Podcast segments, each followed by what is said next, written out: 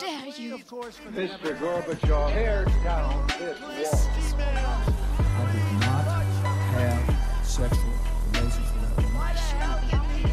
Read my lips. Hell yes, we're gonna take your AR-15. It's waiting I have a dream. Thank you. Der, ja. Da var podkastutstyret eh, montert. Jeg har rota meg tilbake til Borgerbunn gods.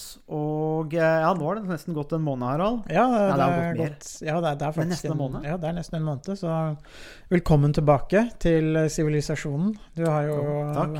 vært et, eh, en måned i, um, i periferien. Ja, Utvida, utvida påskeferie. Ja. Vi har, jo, vi har jo publisert episoder likevel fordi at vi faktisk spilte inn. Vi var forutseende, Harald, og spilte inn episoder over en lav sko, slik at vi kunne publisere dem eh, mens vi var eh, fra hverandre, vi får si det på den måten. ja, eh, du får det til å høres veldig romantisk ut. Og det, er- det er det jo. det, er, det er det. Ja. Sånn skal det være. Sånn skal det være. Ja, nei, men vi, vi spilte jo inn noen episoder. Uh, men nå er vi i gang igjen. Nå er produksjonen i gang igjen. Med dagsaktuelle hendelser. Det er det. Det gleder, gleder vi oss til. Det er jo litt artig. Det er litt fint å altså, arbeids... Da, nå sitter vi jo egentlig bare og retter eh, eksamener. eh, og prøver å forske litt. Men det er jo litt fint å få det her tilbake i hverdagen nå, syns jeg. Ja, det er en god, uh, god rutine å få um, spilt inn en podkast eller to. Ja, så vi, vi skal prøve vårt, uh, vårt aller, aller eh, beste. Vi fikk jo en Jeg vil nesten si at vi kanskje får en litt sånn flying start på en måte oppstarten vår igjen med nye episoder. Ja, det er, det er vel rett og slett eh, Kan vi kal- kalle det en eh, lissepasning fra Din gode venn. Din gode venn Varg Vedum. Han, og dere hadde jo mye moro på landbruksskole sammen. Mer, mer enn du aner. Ja, Så det, det er bare å minne lytterne på den bakgrunnen, at her har vi inside information. Det, det, som, eh, det som skjedde der, det mm, Det kan vi ikke gå, gå videre med. Det Nei. må bli der det Det bli en annen podkast, tror jeg. Men um, fordi han skrev jo i en kronikk ved um, Altså Trygve Slagsvold Vedum, eller Trygve Magnus, er det det? Ja, Trygve Vi må ha med Magnus. hele navnet. Ja, må med Eh, hele 5. navnet. Det er mai skrev en kronikk eh, fordi Dagbladet har jo tatt til orde for mer i, i, i disse koronatider. Mer internasjonalt samarbeid, altså for å løse kollektive problemer, egentlig, uten at de har brukt den sjargongen. Uh, og det gikk jo egentlig rett inn i, den, i episode 19 som vi hadde, der vi uh, snakka om et av de store statsvitenskapelige problemene, nemlig kollektive problemer. Altså hva er de, og hvordan kan de løses? Altså krever kollektive problemer kollektive løsninger, var jo tema for den episoden. Og, så gå gjerne tilbake og lytt til den episoden eh, eh, nå. Eh, det er bare å hitte, t- trykke på pause, og så gå tilbake til episode 19, og så lytte på den, og så komme tilbake her. For det, det blir en slags, på en måte en litt sånn oppfølging. Fordi eh, Varg Vedum skrev jo et tilsvar i en kronikk da til Dagbladet. Det kan hende han har hørt på også. Jeg, jeg regner med det. Noe annet ville overraske meg. Ja, så det, vi, vi, vi- må anta det. Men uh, uansett så er det jo litt sånn som du sier, på en måte en slags uh, lissepasning. Samtidig som jeg tenker at det innlegget til uh, Vedum også går inn i den hva skal vi si, den norske debatten, eller valgkampdebatten. altså det, det, det går også inn på en av de store hva skal vi si, store hovedargumentene til Senterpartiet. Det, og det har liksom med det med det norske og suverenitet eh, og kampen mot EU, da. Um, så sånn sett så er det vel bare, egentlig bare en forlengelse. Eh, og han eh, er jo litt ute etter eh, Dagbladet, eh, fordi han mener at de forlater eh, det historiske forsvaret avisa har hatt for nasjonalstaten, og han trekker noen historiske linjer tilbake til Norges begynnelse. Den, vi er jo ganske ung stat òg, 1905, og mener at vi har kjempa for nasjonalstat. Eh, og han presenterer ganske tidlig i det altså vi skal jo, Dette er en litt sånn større debatt, men vi, begynne, vi begynner å nøste opp eh, argumentene til Vedum eh, litt steg for steg, og kobler det sammen med våre debatt om kollektive løsninger til slutt. Og så skal vi prøve å belyse det her litt. Men han starter med to viktige konsepter, Harald.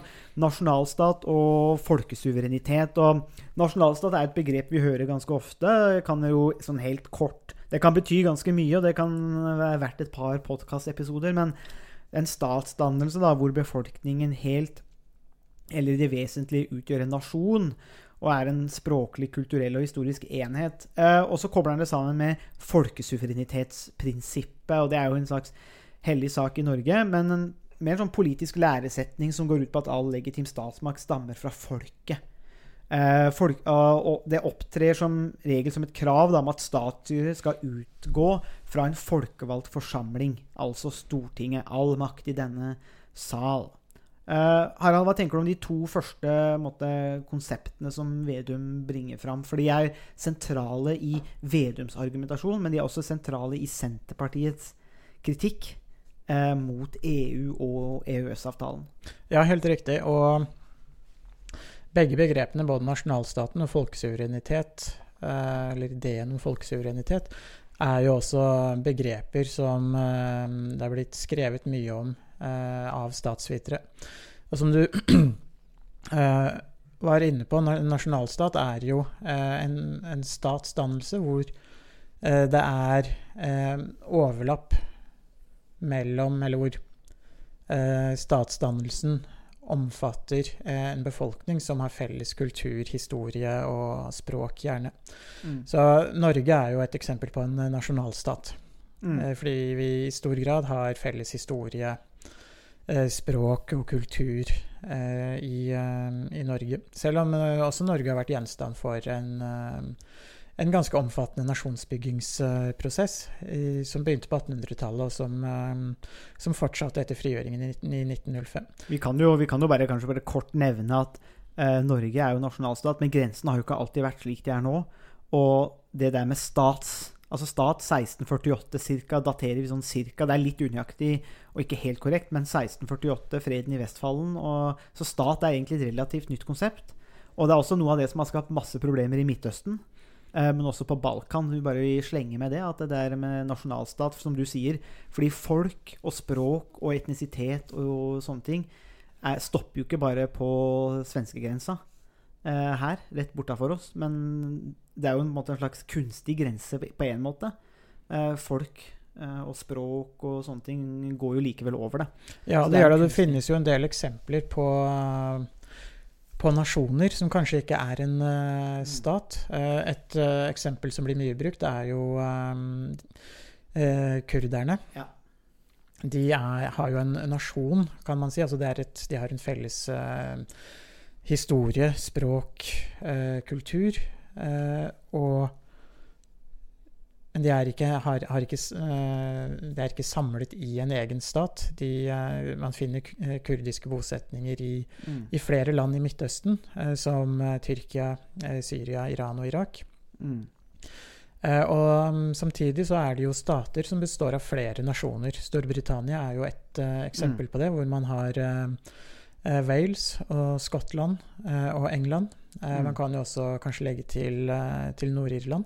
Mm. Eh, så eh, disse begrepene er mye mer flytende mm. enn det som, som Trygve Magnus Slagsvold Vedum gir inntrykk av. Men folkesuverenitet, ja, og, det er jo liksom det virkelige slagordet hans? Det, det er det.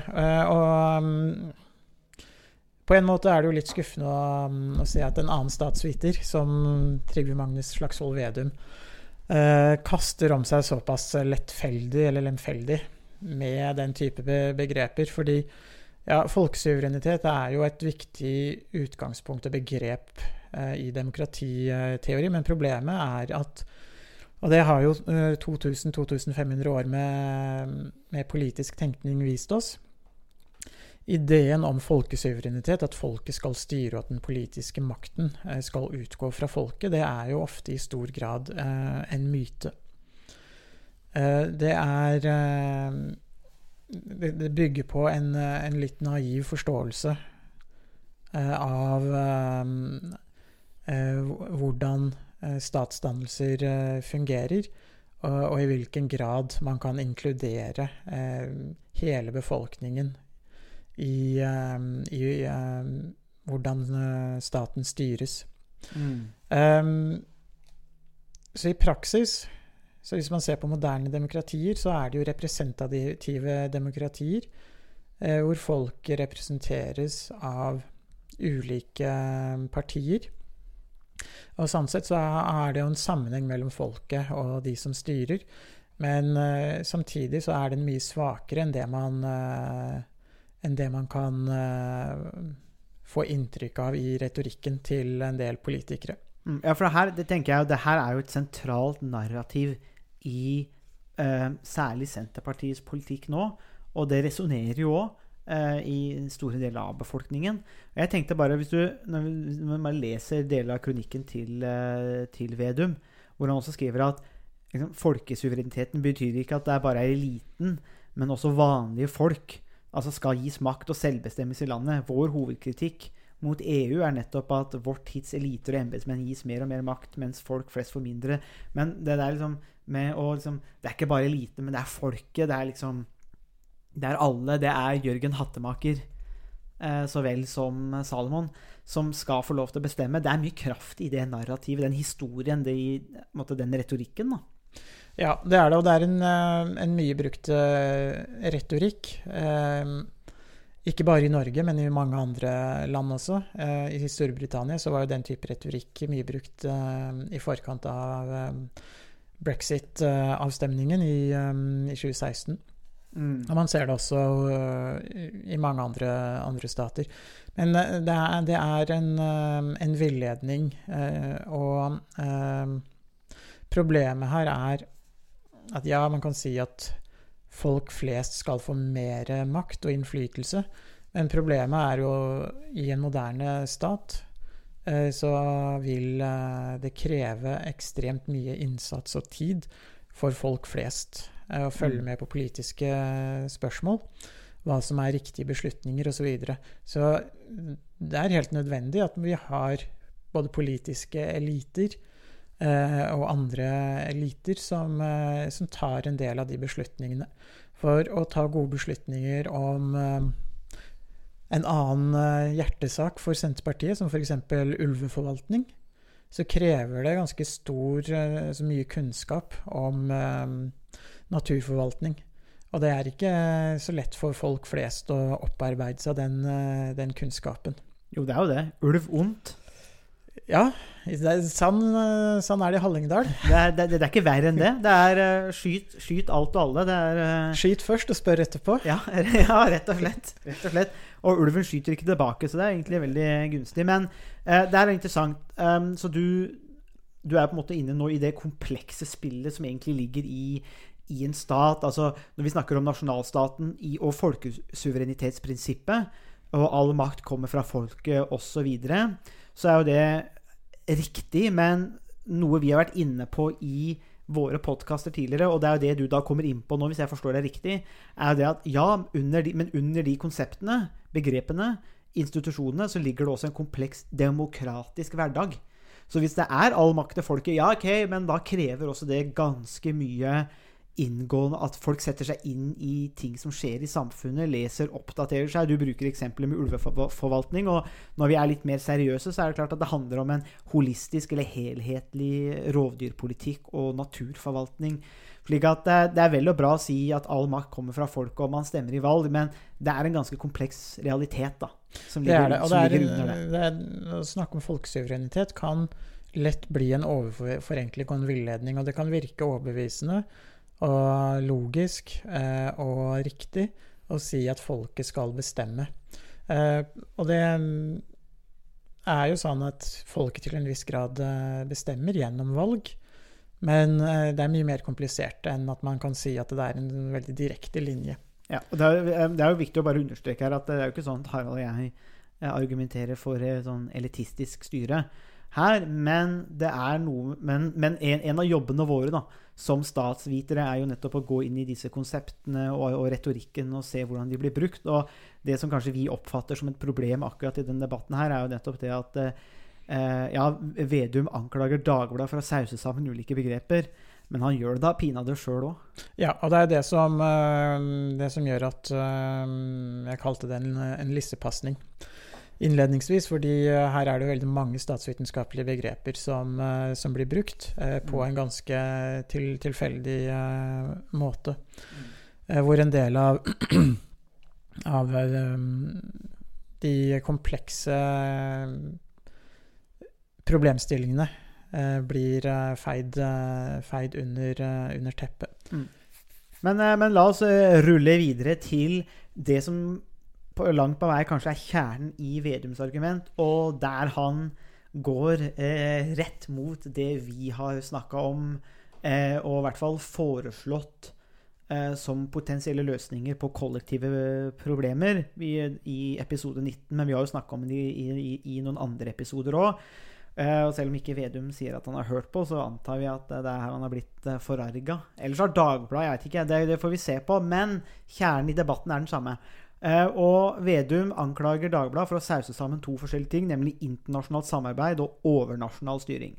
Senterpartiet vil ha internasjonalt samarbeid mellom selvstendige og demokratiske nasjonalstater, akkurat sånn som vi har snakka om nå. Og på overflaten så virker det egentlig ganske eh, fint at ja, man skal bare handle med andre stater.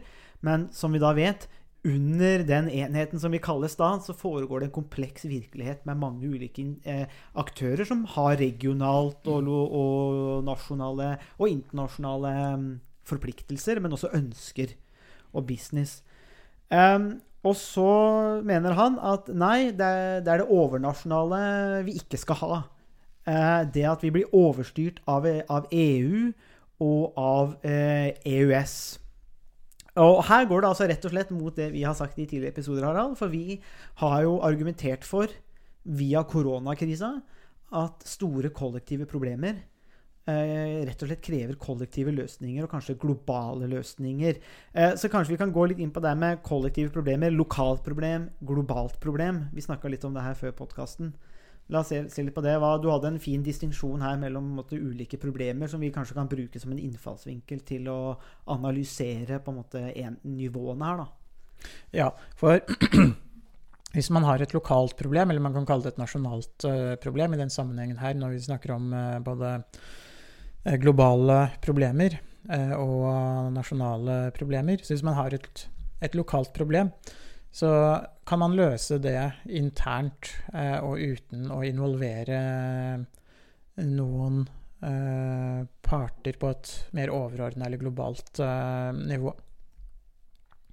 Så har man et, eh, et lite utbrudd av en eh, smittsom sykdom et eller annet sted i verden, har man et meslingutbrudd, eller meslingepidemi, så kan man ofte løse det, det lokalt.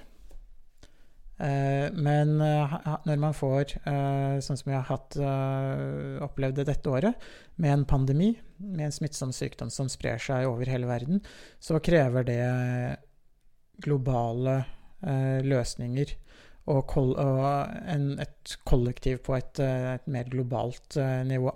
Så vi må skille mellom problemer som gjør seg gjeldende på, på ulike nivåer. Eh, og det som er interessant, er jo at hvis vi tar et problem som eh, klimaendringene, så er det eh, et problem som er globalt, og som alle land påvirkes av i en eller annen form. Og for å løse det problemet, så krever man kollektive løsninger på mer eller mindre globalt nivå. Eh, man kan se for seg at hvis eh, et eh, bitte lite land som Luxembourg ikke ønsker å gjøre noe med klimaendringene, mens alle andre land i verden ønsker å gjøre noe med det, så, så vil ikke det bety noe fra eller til, fordi Luxembourg er så lite. Så hvis man, man ha, får til et samarbeid eh, globalt, så vil det, vil, det ska, vil det gi løsninger på, på problemet. Og det som er, det er jo at skal man få et til, et, eh, til kollektive globale løsninger, eh, så er det vanskelig å appellere kun til at eh, man skal samarbeide. Man må ha noen overnasjonale organer Mm. som kan ta beslutninger. Mm. For ellers så er det vanskelig å få det Vedum snakker om, altså demokratiske nasjonalstater, til å inngå den type forpliktende samarbeid. Mm. Så lokale problemer krever, kan, kan løses eh, lokalt. Globale problemer eh, må løses eh, globalt, og det krever en viss form for overstyring. og Derfor Mm. blir den eh, dikotomien som eh, Vedum eh, setter opp Bare internasjonal forklar helt kort dikotomi. Ja, den todelingen Mm. Av internasjonalt eh, samarbeid, hvor eh, Vedum skiller mellom internasjonalt samarbeid mellom eh, frie, uavhengige demokratiske nasjonalstater og det han kaller overnasjonal styring, som, hvor han antagelig sikter til EU som et, et eksempel på det. Mm. Ja, jeg tenker jo Det som også er problem, det slo meg akkurat nå. Eh, når, jeg, når du nevner det, og så sitter jeg med kronikken foran meg, for han skriver jo at, eh, at eh, veien framover eh, for Senterpartiet da, er et internasjonalt samarbeid mellom selvstendige og demokratiske nasjonalstater. Da lurer jeg på hva, hva har Vedum tenkt, og hva har Senterpartiet tenkt eh, og reflektert over det faktum at det nå er mer enn halvparten av verden, dessverre, faktisk ikke demokratisk. 54 av verdens stater er ikke demokratiske. Det har dessverre svingt i eh, feil vei. Eh, fordi det er noen del land som har havna i en gråsone, sånn som Ungarn f.eks. Og eh, Russland er på vei vekk. USA eh, reduserer stadig vekk på skalaen via Trump. Eh, så den dikotomien blir jo, eller todelingen blir jo enda mer feil. fordi at eh, skal, Hvordan skal du da løse globale klimaproblemer med bare 45% av verdens eh, stater? Og hvorfor er det bare de du skal snakke med, og ikke de andre statene? Eh, Så der vil jo, sånn som jeg ser det, Vedum ha et forklaringsproblem. Hvorfor skal de, hvorfor skal de, hvor, hvorfor skal de andre statene ekskluderes? Ja, og det er et veldig godt poeng. Og det, det, er jo, det er jo i hvert fall to ting der som er interessant. Det ene er jo at sånn som situasjonen eh, er i dag globalt, så, så blir det færre og færre demokratier eh, for Vedum å samarbeide med. Og så er jo det neste spørsmålet, når han begynner å samarbeide med disse eh, demokratiske nasjonalstatene, eh, hvordan skal det samarbeidet organiseres? Mm. Eh, og der er jo Vedum eh, helt eh, stille. Mm. Eh, for skal man få løsninger, så er man i, eh, i mange sammenhenger avhengig av et forpliktende og overnasjonalt samarbeid som innebærer også styring. Så man kan jo se for seg at Vedum sin modell eh, blir satt ut i livet, hvor han da samarbeider med de 45% andre demokratiske statene i, i verden. Og så er jo spørsmålet, hvis alle de møtes i, eh, til et møte eller en stor konferanse, hvordan er det man skal ta beslutninger? Skal man ta beslutninger gjennom eh, at alle blir enige? Eller skal man ta beslutning gjennom eh, hvor flertallet bestemmer? Eh, og her jo, møter jo Vedum eh, en del problemer. Fordi hvis han sier at det er konsensus, at alle skal bli enige om den samme beslutningen, så er det jo veldig lite man kan eh, bli enige om. Mm. Og hvis Vedum sier at det er gjennom flertallsbeslutninger, så innebærer det med en gang overnasjonal styring. Mm. For Ja. da kan det hende at flertallet mener noe annet enn det Norge mener. Og Mm. da er det jo spørsmål om hva Vedum eh, ønsker. Så jeg, så jeg opplever at den eh, måten Vedum argumenterer på, er eh, uredelig eh, ved at eh, han ikke eh, sier noe om hvordan man kan samarbeide internasjonalt Mm. eh, på den måten han eh, skisserer. Mm. Vi, kan jo, vi, har, og det her, har- vi, vi har jo snakka om det her før, og, og litt av grunnen til at vi eh, vel konkluderte du ble, jo, du ble jo også litt sånn stolt eh, når jeg gjorde ferdig den ene analysen eh, og utledningen. Men det handla jo nettopp om det du sier nå, at eh, ok, har vi store kollektive problemer, sånn som eh, koronaviruset og andre pandemier, det kan komme andre ting. Og vi, har jo vist gjennom Landbrukshalvtimen landbruksaltimen hvor kompleks eh, altså systemet er for varer, for frø, for deler. Det er liksom en, det er en hel eh, det er, altså, det, er, det er så ufattelig komplekst, da. Og da kan man jo tenke seg ok, kanskje nasjonalstatene skal eh, sikre seg, da. Og det er jo en, på en måte en, en tanke Han har jo rett når han går tilbake til 1905, for det var jo, det var jo tanken den gangen. Nå er riktignok det også da 120 år siden, så det er klart at noe har skjedd i de åra. Men det, noe av den analysen vel vi dro på da, var jo nettopp det at eh, eh, Vedum, i hvert fall i den kronikken, eh, han opererer jo litt som en, det vi kaller en politisk realist. og Jeg setter det i hermetegn, da, men realist, den realist, såkalte realistiske teorien i internasjonal politikk, hvor statene overlever pga. Altså staten er det viktigste. Eh, de skal overleve i et internasjonalt system som er dominert av, altså, av, anarki. altså Man kan ikke stole på noen. Og den eneste måten å overleve på er selvhjelp. Eh, og det er jo på en måte det Vedum argumenterer for. Eh, og du har jo brakt opp noen av problemene med det. Et annet problem som jeg ser, er, er hva med de sterke statene? Hva om du får en Trump i USA som blir valgt demokratisk? og som velger å heve sin rett, USAs rett, uten tanke på andre eh, nasjonalstater. Han gir blaffen i såkalte demokratiske nasjonalstater. Han har America first og gjør alt for å, å, sikre USA. Det så man prøvde å kjøpe opp et tysk selskap som jobba med koronamedisin. Um, og der tenker jeg òg at uh, Vedum møter et problem. Fordi at uh, Norge er ikke bygd, har aldri basert seg på den forenkla realismemodellen. Fordi vi er små. Vi er avhengig av samarbeid, av import. Og vi er faktisk avhengig av at andre kommer og forsvarer oss. Hvis uh, f.eks. Russland skulle komme, og det er jo eneste kredible trusselen, og det er ikke en veldig stor trussel, men hypotetisk, så er vi faktisk avhengig av andres hjelp. Slik at vi har på en måte basert hele vår eksistens, og særlig sikkerhetspolitikk, på at andre skal komme og hjelpe oss. Og Nato er jo også et forpliktende samarbeid. Ja, det er nasjonalstater, men det er jo hele tiden en viss form for overstyring, eller overnasjonal styring, som krever forpliktende arbeid. Uh, og jeg er usikker på om, uh, bare for å støtte opp under det du sier med de eksemplene her, er at uh, når vi har store problemer som krever ressurser og sånne ting, så veit jeg ikke om Vedums modell er det som vil hjelpe Norge, om det vil gagne Norge i noen særlig grad. For vi er, vi er mer avhengig av andre enn det andre er av oss. da. Ja, det er, jeg tenker jeg er et, eh, et kjempegodt uh, poeng for. Norge er et lite land. Uh, vi er relativt svake militært. Vi har en liten befolkning. Uh, vi har mange naturressurser, men vi er også veldig spesialiserte hovedvekten av eh, eh, eksporten, eksportvarene til Norge er jo olje, eh, fisk og mm, videreforedling av, mm, mm. av skog, eller tømmer. Så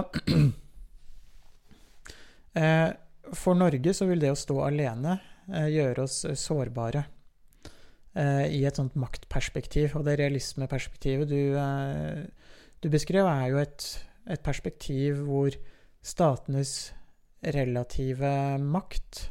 Mm. Altså makt hvor sterk Norge, sterke Norge er i forhold til Sverige eller i forhold til USA eller Kina eller uh, hvilke andre land man sammenligner med. Så Norge som et lite land er sårbare. Vi er, uh, og vår makt er ganske begrenset. Og den uh, måten Norge har manøvrert helt siden 1905 på, er jo gjennom internasjonalt forpliktende samarbeid. Mm. Rett og slett ved at ok, vi taper kanskje noen ganger, men i det lange løp, eh, og på de, for flertallet av områder, så har vi kommet bedre ut av det fordi det har gitt eh, faste spilleregler mm. og forutsigbarhet eh, mm. for eh, den norske politikken og for rammebetingelsene både for næringslivet, men også for for den norske nasjonalstaten. Eh, så hvis man eh, begynner å undergrave det systemet, som vi ser USA har, eh, har gjort siden Trump ble valgt i 2016, så vil man også på sikt kunne undergrave de nasjonale interessene til Norge. Så derfor er Norge, sammen med mange andre små land, helt avhengig av et tett samarbeid eh, internasjonalt. Mm. Og det er derfor uh, Norge har gått i, uh, i bresjen for forpliktende overnasjonalt eh, samarbeid på en rekke eh, områder. Mm. Og det er ikke fordi at Norge vil være snille eller flinke og, og sånne ting. Det handler rett og slett om at Norge er et lite, svakt land. Mm. Og vi må maksimere den eh, politiske makten og kapitalen vi, eh, vi har. Mm. Hvordan kan vi navigere blant Nettopp. eh, de store? Og eh, man ser jo at USA, som har vært det mektigste, eh, den mektigste nasjonalstaten i verden det siste hundreåret, og spesielt etter andre verdenskrig, så på internasjonalt samarbeid som helt nødvendig og som en viktig del av sin utenrikspolitikk, men også viktig for, for mange innenrikspolitiske områder også. Mm. Eh, Så når selv de, eh, det mektigste landet i verden eh, ser på samarbeid og en viss form for en viss grad av overnasjonal styring, så blir det her enda viktigere for små land som Norge, som er egentlig bare en prosent eller to Mm. eh, av eh, USA sin, eh, sin størrelse, og enda mindre når det gjelder militærmakt, Mm. selvfølgelig. Ja, det konkurranseaspektet der tenker jeg er, er veldig viktig, og ikke bare fordi at jeg har tatt opp sjøl, men det er en, en realitet som vi ser, at Kina eh, bruker sin makt. USA med Trump er mer villig til å bruke sin egen makt. Og mellom der står EU eh, som en ganske sterk aktør hvis den står samla. Eh, og jeg tror ikke løsningen nødvendigvis er å bygge ned EU, men at vi må Og, er, og EU er langt fra perfekt, men eh, i den store verden så tror jeg vi har mer å tjene på et velfungerende EU. Ja, vi taper, vi taper litt, men vi har det, det, det du sier òg, sikre rammer. eh, For hvor, innenfor hvor vi kan operere. Og så får Vedum bare være sur på at vi sier sammen med Iselin Nybø at Norge er et lite land. Men no, litt realistisk eh, må, vi, eh, må, vi også, må vi også være. Så det, den, det der er et interessant aspekt. Så nå har vi på en måte sett litt på det der, fordi um, vi har jo da Og no, jeg tenker noe av det som også blir problem, er det at Vedum Uh, og det er klart at uh, Vi kan jo kanskje kalle det her en episoden her Jeg vet ikke hva jeg skal kalle episoden, men hashtaggen blir kanskje Vedum-bashing. At vi går etter Vedum. Men uh, det, er nå, det var en lissepasning når vi går ute, og det, det, er, det er så krystallisert, så det gjør at det er veldig enkelt for oss å, måtte vise skillelinjene. Eh, og konseptene, så jeg anbefaler alle å lese den kronikken når dere hører på podkasten nå. Et annet problem er at Vedum ser ut til å ta nasjonalstaten for gitt som en statisk enhet. Slik at han skriver vi, vi har en tradisjon med norsk frigjøring som endte opp i nasjonalstaten. Det var kulminasjonen av norsk frigjøring, og det er jo litt sånn halvveis svulstig retorikk. Men, uh, på, men, men for, all del, vi kom ut av en union med Sverige og 400 år i natta med Danmark, så for all del. Men problemet er at stater er ikke statiske enheter. De forandres stadig vekk. Grenser forandres, befolkning forandres, demografi Alle disse tingene er i konstant endring. Og vi lever også i en globalisert verden. Bare se på hvordan folk lider når de ikke får reist til, på ferie til Gran Canaria. Varer vi kjøper, hvordan det stopper opp. Slik at jeg også sliter litt med å se Vedums argument, for jeg syns det er litt sånn gammeldags i den forstand at staten fungerer som en statisk enhet som ikke, som ikke er foranderlig. Men stater er det. Stater er i kon kontinuerlig endring fordi menneskers liv forandrer seg. Vi handler forskjellig, vi reiser forskjellig. Og det mener jeg også er et svakhet i argumentasjonen hans. da. Ja, så uh, man kan jo egentlig opps oppsummere litt at den måten, metoden, uh, Vedum ønsker å uh, hevde Norges politiske makt på, fort kan føre til avmakt. Mm. Ved at man egentlig svekker de langsiktige det langsiktige maktgrunnlaget for uh, Norge som, uh, som, som stat. Mm. Ja, for da har, vi, da har, vi, to klare alternativer til hvordan vi skal løse kollektive problemer, som koronavirus og, og andre pandemier, men også klimaproblemene, som er de store kollektive, globale problemene vi har snakka om. Da kan man se for seg A. At man styrker Altså man tar vare på seg sjøl prøver å sikre kornlagre og medisinlagre og gudene vet hva. Og sikre seg selv ut fra det såkalte realistiske perspektivet. Men at det er nasjonalstatene som skal sikre hverandre, seg sjøl. Og så får man prøve å finne et sted å samarbeide derimellom. Eh, eller eh, at eh, eh, Eller valg nummer, altså to, nummer to, da, B. At eh, kollektive problemer må faktisk løses via mer eller klarere overnasjonal styring. Vi er rett og slett avhengig av det. eh, Og det er noe å ta inn. Men der er det i hvert fall to klare alternativer da, mellom, mellom de to. Altså, det er jo ikke eh, Vi skal jo ikke sitte her med fasiten i hånd og si at eh, Vedum tar feil i alt. Vi er A. Litt misfornøyd, skuffa over at han bruker, er sånn lemfeldig bruk av begreper og konsepter som ikke henger helt, henger helt sammen. Men han, det kan jo stemme at det, er, at det er sånn internasjonale systemet fungerer, og at stater bare må ta vare på seg sjøl. men det, I, I så fall så er jo det dårlig nytt for, eh, for Norge. det er veldig dårlig nytt. Det Både korrekt. sikkerhetspolitisk eh, og, på, og handelspolitisk så vil det være gjøre, gjøre situasjonen eh, vanskeligere for Norge, og Norge vil være mer utrygg. Mm. Og så tenker jeg, vet ikke Harald, om du har lyst til å si noe om det, men vi blei jo litt sånn forarga eh, i det ene avsnittet. Eh, vi må bare ta med det, kanskje. Det, og det her eh, Også ikke fordi at det bare handler om Vedum, men, jeg, men her, som, som du veit, eh, så har jo ikke jeg sans for noen politikere. Eh, eller noen partier. Men det er og det her er en generell trend, men ettersom det her er kronikken til Vedum, så tar vi for oss det. Vi blei vel litt skuffa når han skri skriver i et avsnitt at eh, eh, At eh, vi har da At EU har nekta Norge eh, å ha et nasjonal eh, Altså, EU pressa oss til å avvikle vårt nasjonale medisindepot, er setningen i avsnittet der. Og det så, så, så sa vel du Kan vi google det? Og hva var det du, var det du googla deg til da, Harald? Ja, vi, vi fant jo ut ved et veldig eh, raskt eh, Google-søk at det var jo i beste fall eh, eh, upresist eh, skrevet, og i verste fall direkte galt. Eh, det som det, det vi fant ut, var jo at Norge tidligere hadde én felles grossist for innkjøp av eh, legemidler. Eh, og, det var en statlig aktør eh, i forbindelse med innføringen av EØS-avtalen. Eh, så måtte Norge avvikle den innkjøpsordningen.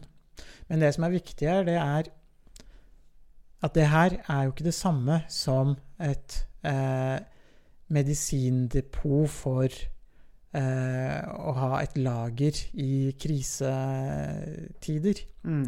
Eh, og, og det gjør at uh, formuleringen til, til Vedum eh, er ganske, um, ganske tynn og egentlig veldig lite treffende. For Norge kan jo ha et lager av ulike medisiner.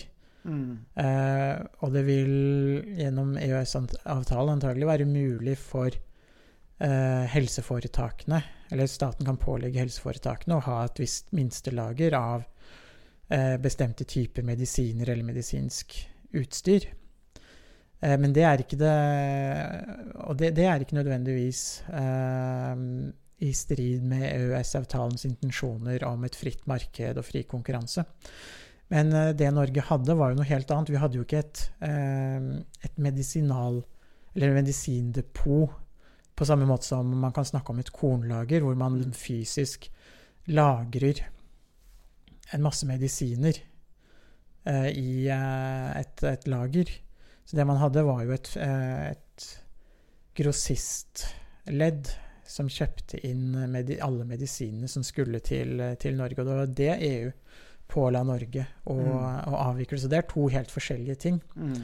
Eh, og mm, man kan jo si at det er mulig å ha et nasjonalt kornlager. Eh, og det er mulig å ha et, eh, et lager av ulike medisiner og medisinsk utstyr. Men eh, det vil være vanskelig å ha et sta, en statlig innkjøps, et innkjøpsmonopol på, Mm. på medisiner. Eh, så der er det, det er to helt forskjellige ting. Eh, hvor eh, det er Vedum igjen som, eh, som er i beste fall upresis, og i verste fall så, så er, er det her helt, eh, helt galt. Jeg syns det er jeg synes, altså, Og det er direkte galt. Eh, det, det verste med det er at, det er kanskje svært kynisk retorikk. Fordi at for å underbygge og for studentene våre her, så kan vi jo nå begynne å trekke inn begreper som validitet og, og, for, kanskje, og reliabilitet. Men eh, at en, et argument henger sammen. Og det Vedum prøver å gjøre, er jo å samle argumenter til støtte for hans påstand om at selvstendige nasjonalstater er den beste løsningen for å komme oss gjennom kriser og for å løse kollektive problemer. Og i den argumentføringen så er han ganske slepphendt og skriver da at eh, vi har blitt pressa til å avvikle Nasjonal medisindepot. Og det ville jo vært ganske alvorlig hvis EØS eller EU gikk inn og sa at nei, eh, enkeltstater får ikke lov til å ha kriselagre av ulike materialer og medisiner. Men det er ikke det eh, EU og EØS har gjort. De har, inn, de har sagt at dere kan ikke ha en statlig monopol på innkjøp av medisiner. Og det er altså to forskjellige ting. Og jeg syns det er fryktelig suspekt, jeg må bare si det, av Vedum. Og det som er dumt, er det at det her er en fryktelig viktig diskusjon som vi må ha i Norge og andre land. fordi at det, når vi står overfor sånne ting som, eh, som koronapandemien, så trenger vi at politikerne særlig fører saklige og godt funderte diskusjoner som folk leser. Eh, og da kan man ikke fare rundt med sånne Eh, en enkeltheter, eller være slepphendt med det bare for å støtte sitt eget argument. Da må du argumentere på riktig basis. Og der vil jo rett og slett Vedum i den der Han hadde slitt i eh, hvis, hvis, det hadde kommet inn på den eksamen vi skal lese gjennom nå, Harald, snart, i offentlig politikk, det hadde blitt trekk. Ja, det, det, kunne fort blitt en uh, dårlig karakter uh, på oppgaven til uh, kandidat Vedum. Jeg er redd for det. og um, Spesielt med tanke på at Vedum selv er uh, statsviter, så, så, burde han uh, ha en bedre begrepsforståelse i, i, det han skriver.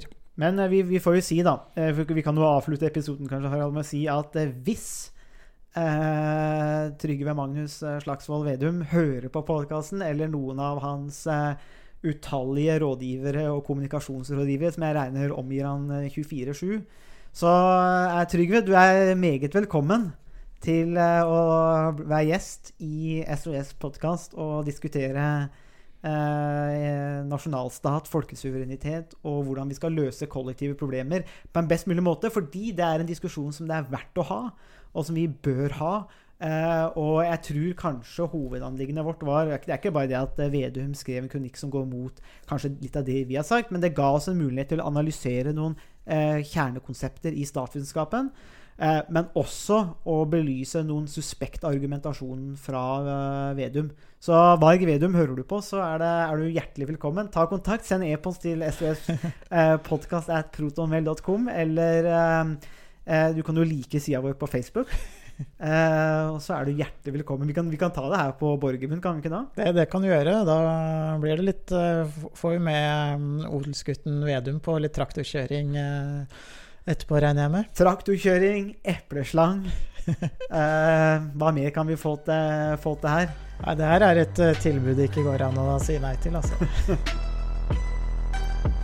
Takk for at du hørte på denne episoden av SOS. Hvis du likte det du hørte, så setter vi stor pris på om du vil dele podkasten med venner og bekjente. Eh, vi tar gjerne imot spørsmål, eh, og adressene for elektronisk post ligger i eh, beskrivelsen. Musikken var komponert av Robin Horvath, og neste episode kommer om en uke sånn cirka. Vi høres! And change is coming whether you like it or not.